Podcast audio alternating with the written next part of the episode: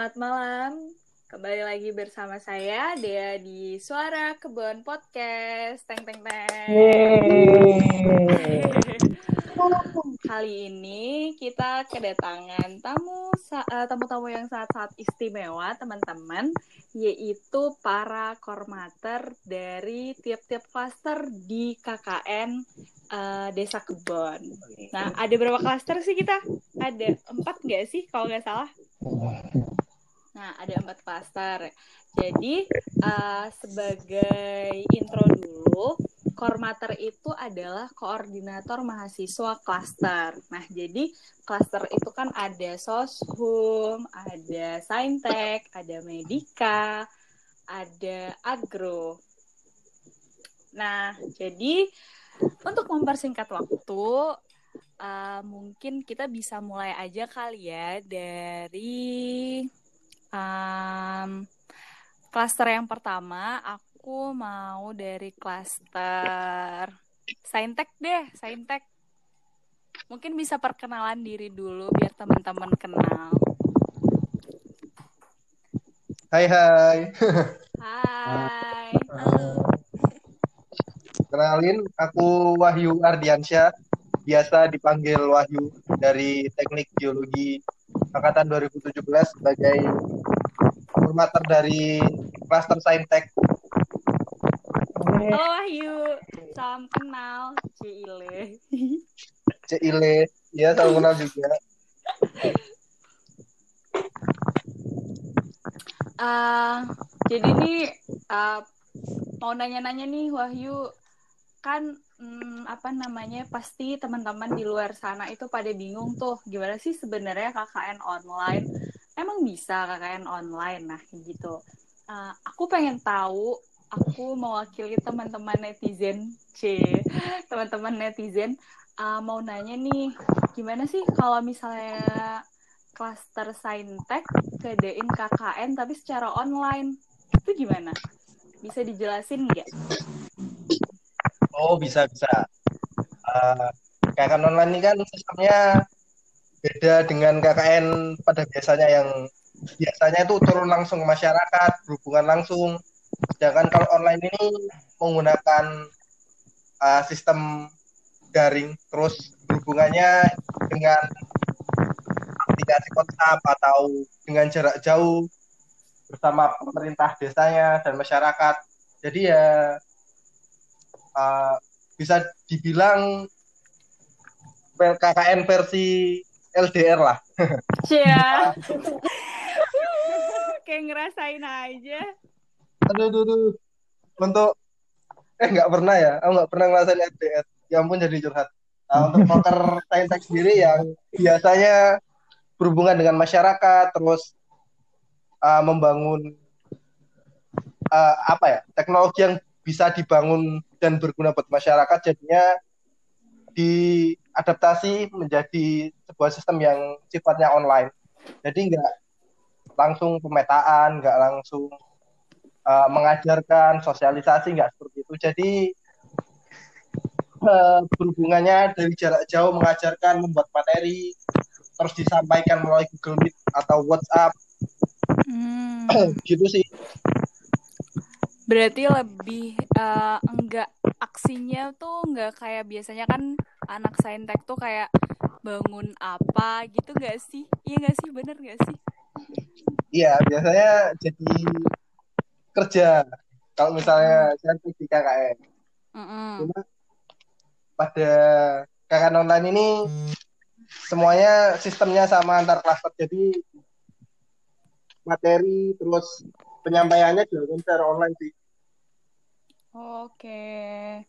Nah, jadi gitu teman-teman. Jadi kalau misalnya KKN online-nya uh, Saintek dari klaster Saintek itu dia lebih menekankan ke materi-materi terus nanti ngobrolinnya itu lewat Google Meet atau lewat WhatsApp.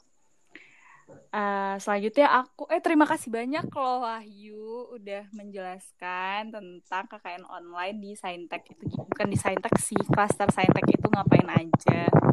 Terima kasih juga sudah curhat barangkali pendengar-pendengar kita juga ada yang jomblo mungkin bisa langsung menghubungi Wahyu ya guys. podcast Aduh, membawa berkah. Selanjutnya aku mau ke bagian soshum. Uh, di soshum itu ada kormater, kormaterku juga. Aku anaknya Abi. Anaknya Abi. Maksudku aku di bawah naungannya Abi. Gimana ya bilangnya? Ya gitu deh. Jadi aku pengen nanya, pengen nanya-nanya sih ke uh, kormater soshum. Mungkin bisa kenalan Oh, iya, iya. dulu. Oke. Eh, halo semuanya, namaku uh, Ignatius Abiseka Pruseto, biasanya dipanggil Abi dari Hubungan Internasional di KKN Kebon sebagai koordinator kelas Sosrum. Halo Abi, salam kenal. Hai, hai. Hmm. Apa apa? Uh, ini sama sih sebenarnya pertanyaannya kayak yang tadi Wahyu. Uh, gimana sih sebenarnya kalau klaster soshum itu ngadain uh, KKN online? Ngapain aja sih kan? Kalau kita tahu ya, uh, soshum itu kan dia lebih ke masyarakat, ngobrol, sosial, kayak gitu-gitu. Nah, kalau misalnya secara online tuh gimana? Sebenarnya sih kalau secara programnya eh, nggak terlalu ada banyak perubahan karena memang secara umum sebagian besar tuh sosialisasi gitu kan, ada kelas, ada eh, teman-teman dari psikologi buka kayak semacam sosialisasi perkuliahan, terus ada kelas wawancara dan lain-lain gitu. Nah, sebenarnya eh, nggak banyak berbeda dengan rencana mereka kalau mereka KKN di lapangan. Cuman yang kerasa bedanya banget ya kan namanya sosialisasi butuh eh, apa ya interaksi dua arah sama masyarakatnya. Nah, kadang emang ada interaksi yang entah mungkin karena dari WhatsApp juga jadi ada waktunya mungkin eh, jarak waktunya terus juga kadang interaksinya tidak dibalas dengan respon yang diharapkan ada gitu-gitu juga. Bener Agak- banget. vibes-nya agak nggak enak karena kemudian nggak bisa bertemu langsung ujung-ujungnya. Jadi tetap bisa sih sosialisasi, cuman ya nggak bakal maksimal mau nggak mau. Mungkin permasalahan umum dan mungkin juga bukan sosum doang sih, kayak teman-teman kelas lain yang juga ada sosialisasi juga aku rasa ada perasaan kayak gitu juga. Oke. Em, berarti hampir sama gitu ya eh, ininya.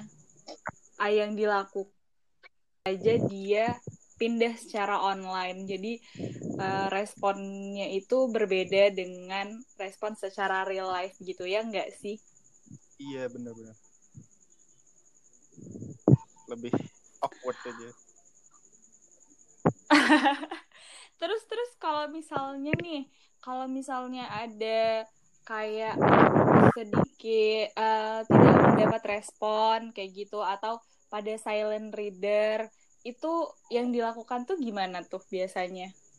Hmm, aku nggak tahu kalau di subunit lain, cuman kalau di subunitku kalau misalkan Mm-mm. ada yang kasih ngirim video di grup WA yang bareng sama warga di RW, itu kalau misalkan nggak ada respon, biasanya dari kita sendiri yang respon kayak tadi eh, ada salah satu anggota klaster yang kirim video tapi terus nggak ada respon, terus eh, anak-anak klaster yang eh, sorry anak subunit yang lain terus wah keren ya Mas X eh, videonya Oh, untuk ya harapannya memancing warganya untuk respon juga. terus berhasil nggak? Pada muncul gitu nggak warganya? Oh, berarti emang berarti emang KKN online ini kayak lebih sering membantu teman ya? Iya. kayak kalau temennya nggak ada yang ngerespon tolong dong respon aku atau jiwa kemanusiaannya lebih meningkat sesama teman terima kasih Abi Sama. selanjutnya kita beralih ke hmm, apa nih Medika Medika aku pengen kenalan dulu dong sama kormaternya Medika Aku ya. Iyalah. iya dong masa saya Halo semuanya, kenalin namaku Dimas Kelvin Jonathan Huta Barat, panggilannya Joey. Aku dari Pendidikan Dokter Gigi angkatan 2017. Jadi di uh, KKN Kebun Bayat ini aku sebagai koordinator dari klaster Medika. Yeay. Halo Joy. Suara aku berat deh.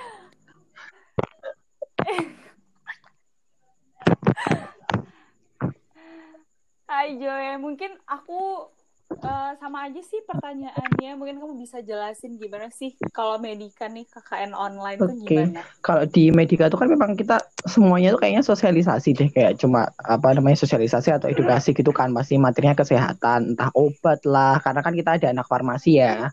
Terus tentang kesehatan hmm. secara umum lah atau keskilut lah atau kesehatan gigi dan mulut itu kan karena kita ada banyak kan anak KG kan ya kayak gitu. Jadi sebenarnya hmm. sih sama kayak sosum tadi. Jadi karena sosialisasi jadi ya lewat media-media WhatsApp atau Google Meet kayak gitu biasa aja. Cuma ya uh, sulitnya adalah nggak dapet feedback itu tadi. Kayak takutnya kan kita nggak tahu ya mereka beneran baca atau enggak materi yang kita kasih gitu kan.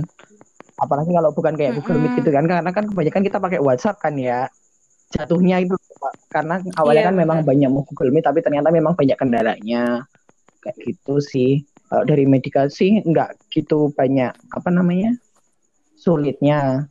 Karena memang gitu-gitu aja cuma ya dapat feedbacknya yang susah. Terus kan harusnya tuh kita tuh senangnya ya kalau KKN asli itu kan kita bisa itu ikut meriksa gitu. Ada sesi konsultasi ada kayak gitu-gitu kan. Itu kan yang kita tunggu gitu loh sebenarnya hmm. kalau jadi anak medika karena itu kan ngasah skills kita juga gitu loh. Kapan lagi gitu kan bisa terjun di masyarakat. Agak susah kan hmm. kalau nggak dapat apa namanya ridho dari fakultasnya. Ridho sih. Iya benar-benar eh, jadi gitu.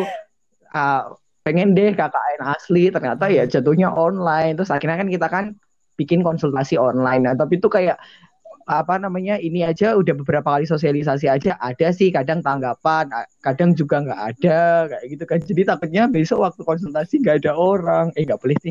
Berdoa ya guys semoga banyak yang konsultasi. Gitu sih. Amin, tapi tapi tapi aku kan uh, kita kan satu supir uh. nih Jo. Uh, aku sih melihatnya kalau dari warga kita tuh mereka kalau itu apa namanya misalnya medika hmm. yang ngejelasin tuh kayak memberikan feedback yang baik banget hmm. jadi kayak mereka benar-benar nanya iya, iya kan iya, oh. mas kalau giginya berlubang gini obatnya uh, apa mas kalau ini tuh gimana jadi uh, apa tuh namanya sebenarnya kayak KKN online tuh hal-hal kecil itu jadi membahagiakan iya, gak sih contohnya ketika warga itu memberikan feedback padahal cuman iya mas makasih banyak ya iya mbak makasih banyak. Tapi itu kayak yang iya, seneng banget iya oh ya, banget. Ya, cocok lah dia. Yuk masuk medika pindah jurusan KKN dua kali. Terima iya. kasih banyak Joe. Sama Nah, selanjutnya kita ke klaster agro. Ini perempuan satu-satunya nih yang berada di jajaran formater. Gimana nih? Mana nih yang dari agro?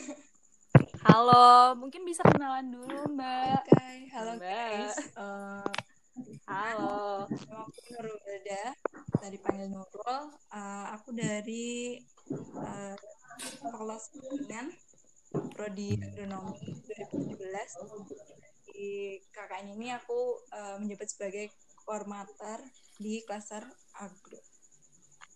Halo Nurul. Halo Nurul.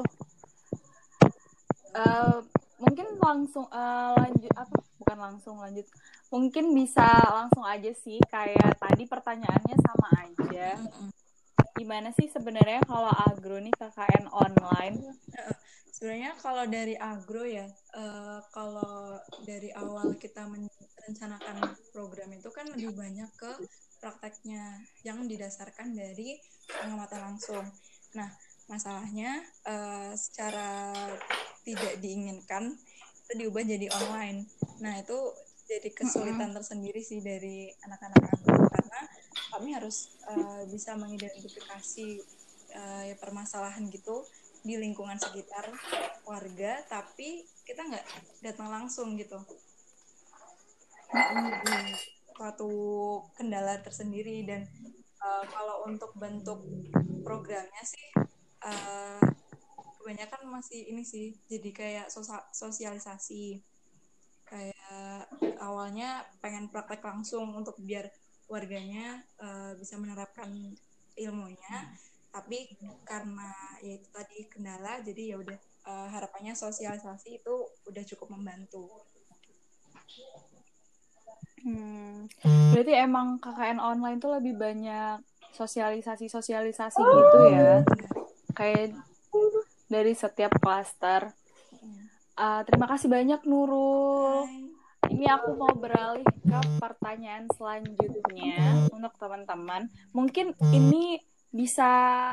Terserah deh mau yang jawab siapa nggak apa-apa. Uh, mungkin aku mau nanya nih. Uh, kan kalau KKN online eh kalau KKN di real life itu kan uh, apa tuh namanya? Kayak gampang gitu kan. Uh, mudah gitu. Ya mudah lah karena kan kita langsung ketemu warga. Dan uh, kalau misalnya KKN secara offline tuh dari kormaternya itu kan kepada anak-anaknya di tiap klaster itu kan pasti uh, untuk mengkoordinir itu gampang kan? Ya enggak sih? Maksudnya kan kita tetap muka jarang banget adanya miskom. Kalau emang ada yang mau ditanyain langsung ditanyain. Nah kalau secara online itu kira-kira ada kendala nggak sih uh, baik dari proker-prokernya atau dari mengkoordinir anak-anaknya? Mungkin bisa dimulai dari siapa ya dari Nurul deh. Oke. Okay. Kalau dari aku ya untuk koordinir sih selama ini nggak ada kendala yang kayak gimana-gimana sih.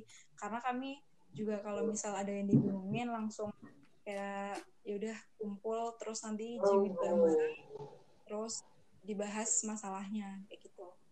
Dan kalau misal uh, untuk rincian proker sih sebenarnya yang uh, jadi bingung dan itu juga susah untuk uh, apa ya detailingnya karena kami kayak masih ngawang gitu loh mm gitu sih jadi untuk koordinir sebenarnya lumayan aja uh, seru-seru aja sih karena teman-teman juga cukup mendukung hmm. oke terima kasih banyak Nurul untuk jawabannya mungkin selanjutnya bisa dari klaster medika hmm. Oke. Okay. Gimana tuh? Kalau di klaster medika tuh kita kalau misalnya masalah kayak uh, apa ya namanya tentang teknis atau tentang program-program yang mau kita lakuin sih sebenarnya nggak ada kesulitan gitu loh masalah komunikasinya. Karena untungnya kita berempat itu teman deket semua. Jadi kita tuh udah temenan gitu loh oh. sebelum di KKN nah, jadi kayak hmm. kita tuh kalau sebel-sebelan tuh udah yang kayak kayak eh lu kelupaan anjir kayak gitu kan. Astagfirullahaladzim kok malah keluar jadi itu kayak ya gitu maksudnya kayak kita udah nggak ada yang saling kayak eh, nggak uh, enak gitu ngasih taunya atau gimana gitu loh. Kayak kita tuh udah bodo amat gitu loh kalau oh, di chat gitu. Ya berarti kayak ya sama teman oh, oh untungnya gitu ya? sih kayak uh, bagusnya sih dari situ ya. Kayak ya udah biasa hmm. banget gitu. Terus tuh keuntungan lainnya adalah tiga orang itu dari KG dan itu disebar ke tiga subunit. Jadi kita tuh bisa ngelakuin uh, apa namanya bagi-bagi prokernya tuh lebih agak mudah gitu loh kalau teman-teman paham gitu kan. Jadi kayak uh kita tuh uh, prokernya tuh sebenarnya sama cuma beda subunit. Jadi kita bikin medianya bikin riset materinya itu juga lebih gampang kan karena bisa dibagi bareng-bareng gitu kan. Jadi rasanya tuh uh lebih gampang gitu loh untuk ngerjain semuanya. Dan juga nggak ada yang saling apa namanya uh, nggak uh, enakan gitulah orangnya apalagi ya ada berapa sih iya kita empat orang, ya? tiga anak KG tapi itu sayangnya tuh kalau dari Medika itu adalah kita kebanyakan kan sosialisasi dan kayak banyak banget gitu kan sosialisasinya Oh, kan kalau kalian tahu tuh kayak hmm, misalnya satu topik aja tuh bisa ada beberapa sub materi kayak gitu dan itu beberapa kali sosialisasi. Hmm. Jadi kalau kalau kalian mesti bosan banget gak sih sama anak medika? Medika mulu yang sosialisasi. Maaf ya guys. Kita minta maaf sumpah demi Allah. Kita nggak tahu. Kita nga, uh, agak-agak ngawur awalnya bikin proker gitu. Karena kan juga bener ya dari awal kan kita kan nggak nggak bener-bener langsung terjun ke desa. Jadi kita nggak bener-bener bisa tahu bisa ngulik masalah masyarakatnya itu seperti apa. Bener kan? Ya kan? Kayak coba-coba gitu nggak sih bikin program? Jeleknya itu di situ. Jadi kayak ya agak agak agak kadang ngawur gitu. Dan ternyata tuh anak medika tuh tiga orang tuh nggak bisa desain sama sekali. Jadi kita bikin PPT oh tuh, jadi harus nyari ya kan cuma ada kan yang anak farmasi itu yang bisa desain. Dan juga dia tuh banyak gitu loh hmm. tanggungannya. Karena kan ngerjain dari klaster-klaster lain juga kan. Karena anak PDD kan ngerjainnya nggak cuma buat klasternya masing-masing. Jadi kita nggak enak kalau misalnya nyuruh yang lain. Sementara tuh gitu kayak apa namanya kebagian ayo cari buat desain poster malah nggak sampai sekarang hmm. ada beberapa apa proker tuh yang nggak dapet gitu loh jadi kita ngerjain sendiri jadi kayak ya waton-watonan gitulah jadi medianya kita tuh kebanyakan jadinya PPT gitu kendalanya sih itu sih kalau buat kita kitanya tidak terampil oh. ya berarti kan emang harus saling bantu mm -hmm. gitu ya Betul. Oke, terima kasih banyak Joe. Selanjutnya dari klaster Soshum.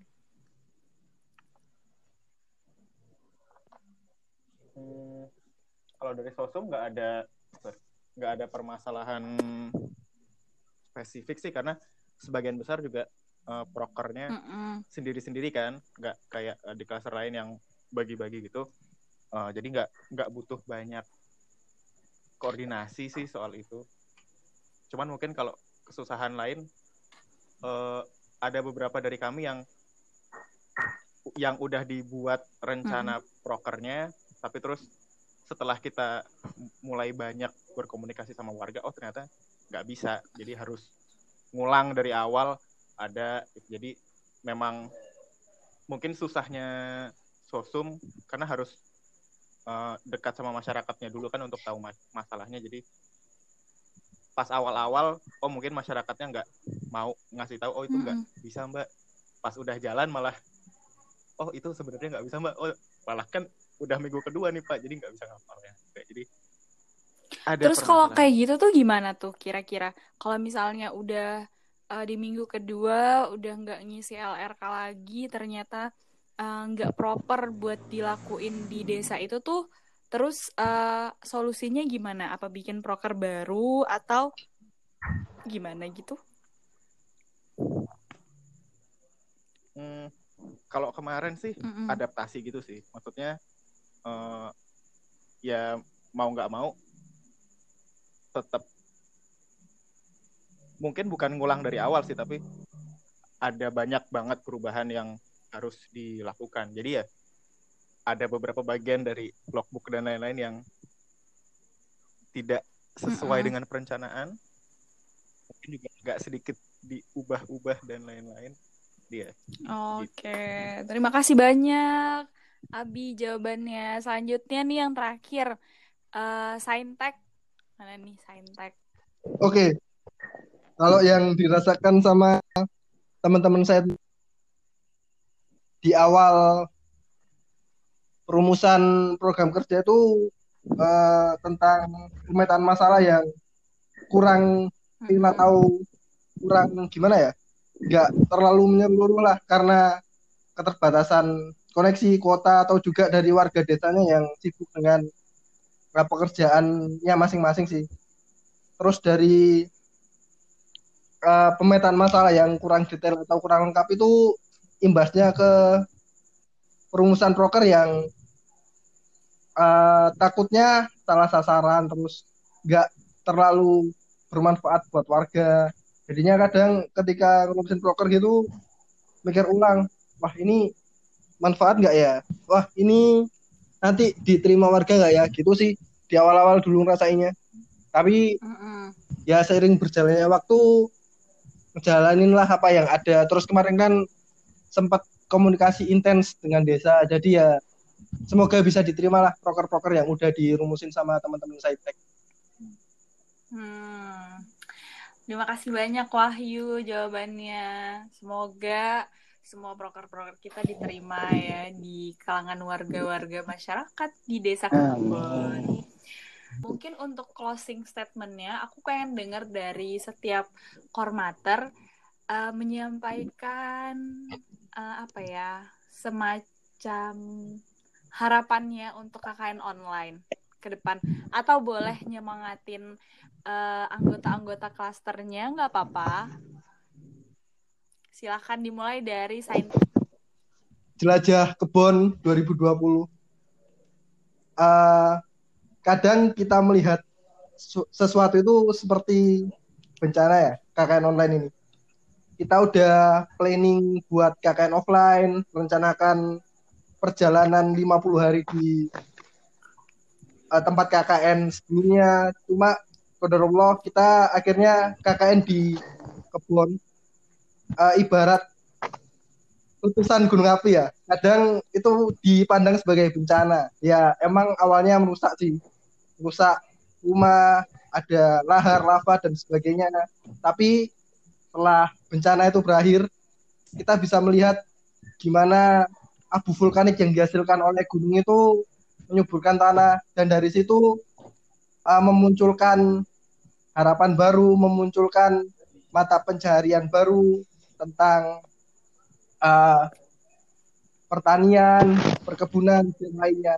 Jadi semoga dengan adanya KKN online ini kita bisa melihat sisi lain dari uh, apa yang kita anggap sebagai awalnya bencana mungkin atau ya suatu hal yang bisa menghambat kita. Semoga kita bisa melihat sisi lainnya, kita bisa mengambil hikmah, kita bisa memberikan kebermanfaatan kita kepada masyarakat desa kebun dan sekitarnya. Itu dari aku. Wow. Wahyu Golden Ways. Anjir lah. Teman-teman Saintek pasti bangga punya kamu.